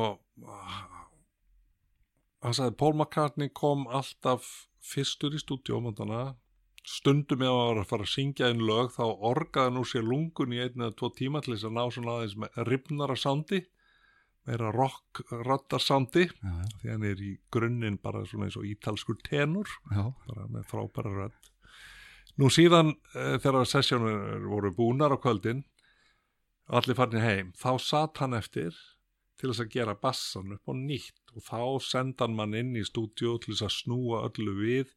Þá vildi hann kannski nota hátalaran í bassamagnarinn sem mikrofón og, og snúa öllu á haus þá vil hann fekk þetta fína bassasound sem hann var að leita að. Og þá var hann alveg léttilega til að til sjó á mótnana og ég með hann og svo þurftu að mæta aftur klukkan tíu. Já. það var svo mikil perfectionisti og mikil soundpælari og náttúrulega partarnir hans, svona síkildir, alveg eins og part, partarnir hennar Carol. Já, já. Sá er einhver munur á þeim tveimur og hún er hámentuð í, í hljómfræðum og jazzfræðum en hann ekki, hann er sjálfmentað. Akkurat. Hún hafi verið mikilvægast í kennarinn hans svona á þess að, eins og segir, hann gerði sér fulla grein fyrir því. Ekki strax allavega. Já. Þetta er stórskillett. Heldur þú muni vinna aftur með Karol, hún er 85 ára í dag. Þú ert alltaf hann úti eitthvað og... Já, er Ertu í sambandi við hana? Nei, ég er nefnilega ekki í sambandi við hana. Gilvi Kristinsson hjælt upp í sambandinu og miðlaði bara áfram, Já. kveðjónum og allt það. Ég hef ekki, skilur ég skammast mér fyrir að hafa ekki sínt meiri ræktarsem, en hún síndi heilmikla ræktarsem að fyrra bræði var að senda manni allskins diska með sér kennsluefni og veist, rak, mikinn skóla um árabil. Já, ég held hún er enná, ennþá að kenna Já, alveg öruglega, sko. já, já, já, alveg pottjætt, sko. Og, og hún svona, veit að maður skiptir um tölvur stundum, sko, þá átti það til að, sko, það einhvern veginn tölvur netfenging glötuðust, en, en auðvitað ætti maður bara að grafa hann upp á Facebook og segja hæ. Já. Og hérna, að því að það er, vir, er sko, alvöru væntum þykja þarna á báða bóa Já. eftir þetta samstarf. Meðan til þetta Stim Kiltner, það var við, við bara áttum þarna frábæra viku saman í meðan hann var að setja inn trómurnar og svo hefur maður ekki haft samband við hann neitt síðar sko. Nei. Það er mikil kunst að viðhalda svona Já. samband við fólk sem að maður, veist, hefur engan já, snertiflöt við annan en það að hafa gert með því eina tvær blötur sko. Ég verð að segja þér eina sögu samt sem er alveg ótrúleg Endilega. ég veist ekki hvort þú næri inn í þetta podcast en þegar ég var að klára mína síðustu plötu uh, eða nei fyrir ekki uh, næst síðustu plötu hérna í, í Los Angeles með Paul Brown sem er upptökustjóri minn þar. Um, þá var árið 2015 þá voru stöðmenn búin að auglýsa sko sumar á Sýrlandi tónleika í hörpunni með heilmiklum hérna viðbúnaði og fullt af söngurum sem voru með okkur hérna og Bergur Þórisson hérna eh, úr hugum. Hann var líka á trombónu þarna Jól Pálsson og Ari Bræi og vinur minn á samferðanaður til langstíma sem var með okkur í gamla dag í Reis Berja svona sem sidekick og, og ráðgjafi Jón Þorvaldsson. Hann saði strax að- þegar hann frétta þessu hörðu sumar á Sílandi, þetta er náttúrulega tribut til síru rocksins og alls þessa þetta er síran undir rós þetta titillin væri svona eins og titill á barnabók sumar frí í Sýrlandi. Þið verða að fá holdtekju síruroksins sem sérstakann gest til ekkar af því að þú er nú kynst honum að spilaði á fyrstu blögnuðinni Jeff Skunk Baxter. Já. gítarleikari Stíli Dan og Doobie Brothers Já. og mjög effektífur stúdíu gítarleikari. Hann hérna var hámentaður þegar hann byrjaði í músíkbransan og náði miklu frama í tónlistinni en síðan gerðist það fyrir svona tíu árum síðan að hann hérna ákvað að venda kvæði sín í kross og fara að, að stunda það sem hann hafði raunverulega lært sko vísindi í, í hæstu hæðum Eh, hann tók til starfa fyrir CIA ríkis leini þjónustu bandaríkjana Já. Sem sko einhver yfirmaður uh, Secret Surveillance sko hátækni njósna og, og svona eftirlits gegnum gerfinhett og slíkt Já. og, og sem slíkur uh, daltið tindur úr músikbransanum en auðvitað þetta er eins og með hjóla, þú er búin að læra hjóla þá þá kant og gítar og kant og gítar já, já. en lítið til hans spurst og, og Jón Þorvaldsson er alveg ein uh, sko alveg gallharður í því að við höfum að fá hann þessi er líka svo gott PR að láta hann koma í kastljósið. Þessi CIA agent sko heimsvæði gítarleikari. Kannast margi við hann að mynda og hann með svona amirist yfirskegg sem nær alveg niður á höku sitt hvora megin. Já. eins og svona skeifa á hesti og svo tagl og svo mjög þykk kókbotna gleru ekta svona Kaliforníu hippi Hörðu, ég ringi í nokkra vini mín í Ameríku og enginn hefur neitt, neinar spurnir haft að Jeff Baxter. Nema við förum uh, svo er ég komið þarna til LA og er að parkera bílnum fyrir utan stúdíu hjá Pól, þá ringir Jón Þorvaldsson og segir, ertu búin að ná í Skunk Baxter? Ég sagði, ég er búin að sverja alla sem ég þekki. Nú er ég reyndar að fara inn í stúdíu til Pól Brown sem er nú hér uh, heimsvægur upptökustjóri og, og þekkir alla, hann lítur að geta sagt mér og svo fer ég inn og tala við Pól hann segir Jeff Skunk Baxter er einn af mínum eftirlæti skítaleikurum en ég hef ekki hugmyndu hvað hann er, hann er líkindum í Washington að vinna fyrir CIA eins og var heimsfrétt hér fyrir nokkrum árum. Og já, já, ekki gætt hann hjálpa mér. Svo setjust, uh, höldum við áfram erum í stúdíóvinna hérna næstu þrjá tíma tökum smá breyk fyrir hátegisverð keirum út á sushi stað hérna tvo kilometri í burtu, borðum kíkjum inn í einhver hljóðfæraveslun og ökum svo tilbaka, ætlum að halda áfram svo er ég að akka svona halva leiðin tilbaka, lít ég til hægri og sé svona American Truck. Og ég segi við Pól er þetta Jeff Skunk Baxter eða hvað sem er hérna við hliðin og hann horfir til hægri og ég trúi þess ekki, við vorum að tala um hann áðan. Hérna er hann við hliðin og ég byrja að flauta og veifa, hann er með headset skilur, er bersinlega í símtali og sér ekkert sko eða heyrir og stoppum á ljósum og ég er alveg veifandi og pípandi og allt það og hann sér ekki neitt og heyrir. Svo erum við rauninni komnir að stúdíun en ég ákveði að halda bara áfram næstu ljósu, það var mjög löngleið og byrja þar aftur að pípa, nú er hann búin í símtalinu og hann lítur til yfir í bílinn til mín og hann segir, Jakob, is it you? og ég sagði, Jeff, it's you. You won't believe it, svo bara farið hlaupið út upp á stjætt, faðmast og knúsast og tekin selfie. Og hann trúði þessu náttúrulega ekki frekar en ég veit ekki hverja þetta hefði verið sko eldingaleikur og umræður um mann í 30 miljón manna samfélagi Suður Kaliforníu í 380 miljón manna samfélagi þar sem að sko var búið að vera eldarsjöðan að reyna að hafa upp á honum og svo bara dukkar hann upp Já. Ég varð að segja þessa skringilugu sögu þetta er náttúrulega eins og náli heist ekki hérna Já, sko. algjörlega. Og, og ég segi sko ég segi þetta bara því að hann er amerikani sem er svona já, hann er á sambarlegum stað við Karol K. að því lítið, hann spilað ótrúlegum fjölda stóra platna gegn tíðina, stúdíómaður Já. spilaði á á minni fyrstu stúdíóblötu í Los Angeles í lagi sem heitir Bop Along En fegst hann í gigið? Hérna? hann var svo til í að koma í gigið Já. Þennan tiltekna dag var hann bundin í báða skó í Washington Já. í CIA verkefni hann hefði getað komið vikuna undan vikuna eftir. Já, hann hefði eigað það bara inni. Herri, rétt að lókum uh, að því að hérna við búin að tala svolítið um stuðmir hérna á hann líka. Tómas Tómasson heitin Já. hann lítur nú að hafa eitthvað eitthva svona hort til Karol K og hennar hann stíls var ekki satt? náttúrulega sko algjör Karl K eh, sko aðdáandi. Talaði, ég hugsa að hann hafi verið svo fyrsti sem að sagði mér eitthvað um hana. Já. hann vissi svo mikið um hana og, og þú veist, hann náttúrulega dyrkaði hana og einn melodískasti bassaleikari Íslandsögunar og hann var náttúrulega eins og Karl K hann var, hann heyrði rosalega mikið, að segja hann með stort og mikið tónera. Já.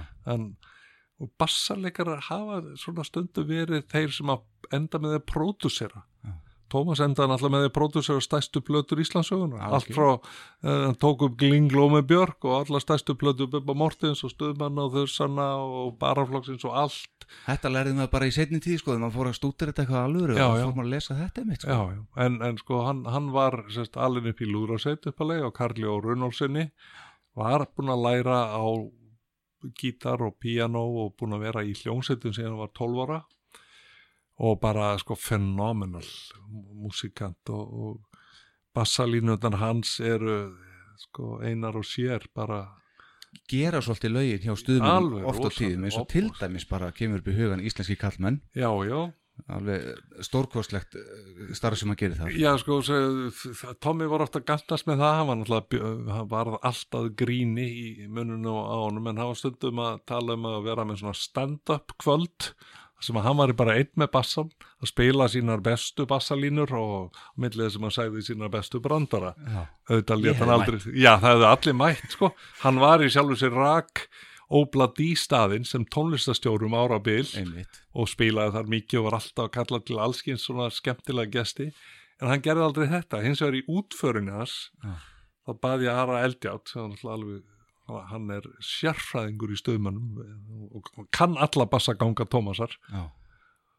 og hérna baðanum að, að, að, að koma eitthvað svona uh, tilvísin í þessa hugmynd Tómasar hann mætir í Hallgrímskirkju tróðfulla þar sem hann búið að vera bara alveg öll flóra íslenska tónlistamanna og kóra og lúðrasveita að minnast meistarans Tómasar.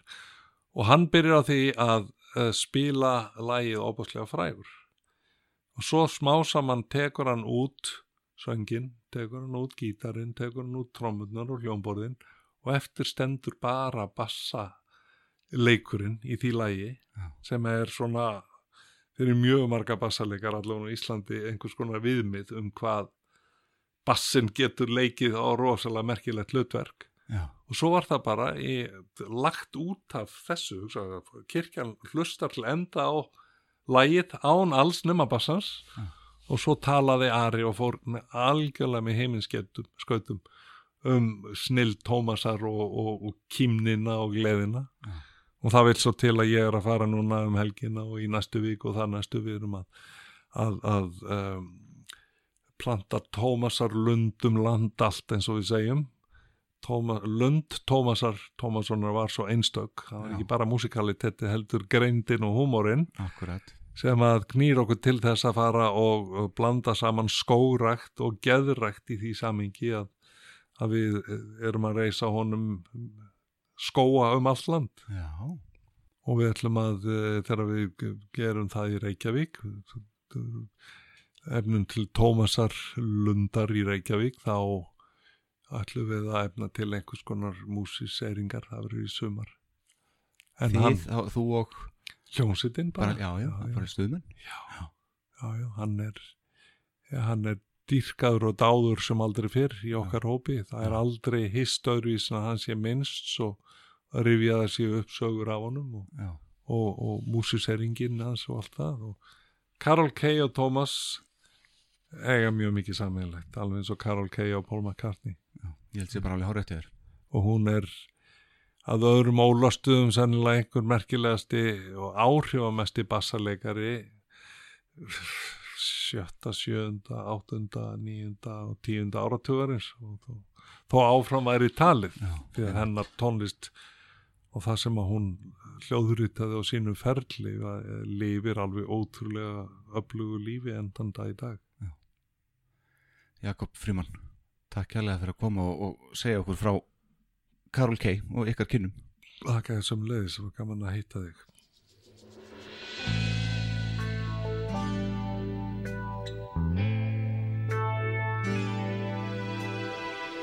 This is not a wishing well. Just where I and Annabelle would wander after school. We were in love. We touched the skies above and counted the diamonds. The birds were singing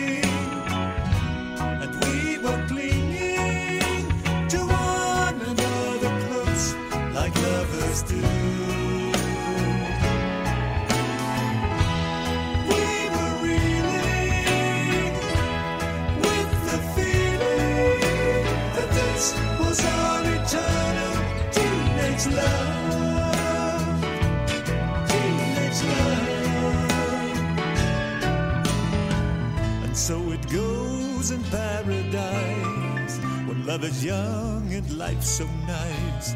Well, Annabelle is happily married now, but sadly not to me. She decided someone else was better. How could she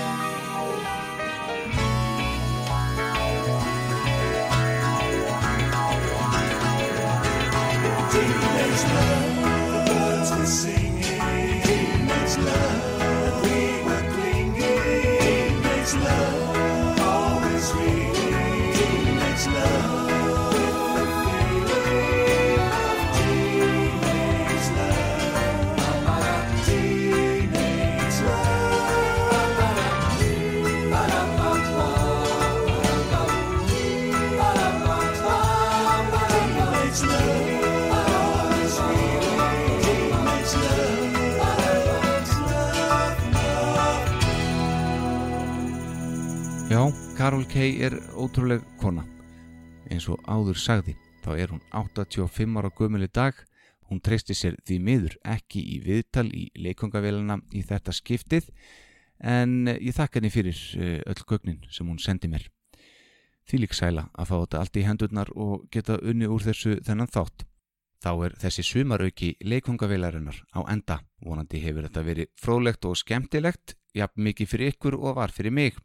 Ég kann Jakobi mikla þakkir fyrir að koma til mín í leikongavélina og segja frá þeirra kynnum. Verið sæl.